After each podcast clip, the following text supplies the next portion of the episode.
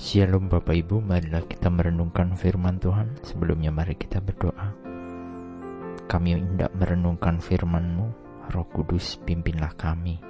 Di dalam Tuhan Yesus kami berdoa. Amin.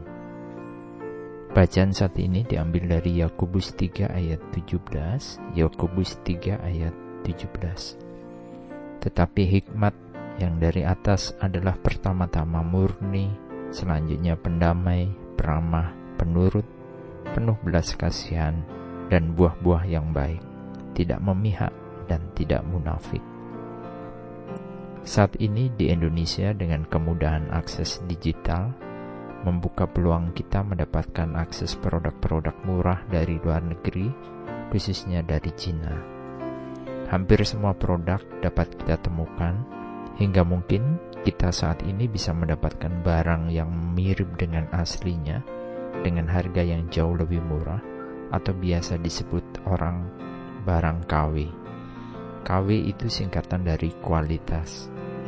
Amati tiru dan modifikasi atau ATM menjadi jargon yang banyak dipakai orang saat ini, khususnya bagi mereka yang mencoba membuat produk untuk dijual kembali.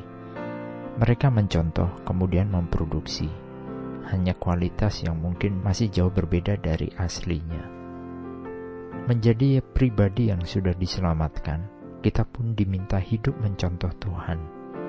Mencontoh Tuhan adalah hidup dengan hikmat yang datang dari Tuhan. Tuhan murah hati kepada semua. Tuhan menunjukkan kebijaksanaannya untuk manusia. Betapa berbedanya kebijaksanaan yang berasal dari roh Tuhan, karena itu murni dan cinta damai, dibandingkan kebijaksanaan yang manusia lakukan. Setiap dari kita yang tunduk kepada Tuhan dalam iman memiliki akses pada hikmat Tuhan.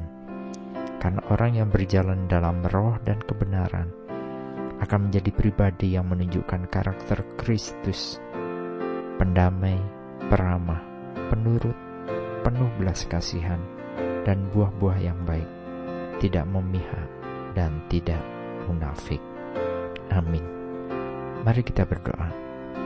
Bapa yang penuh kasih, kami berdoa agar hidup kami meneladani kebijaksanaan dari Tuhan, menjadi pendamai, peramah, penuh belas kasih dan tidak munafik, sehingga hidup kami boleh berkenan di hadapan Tuhan.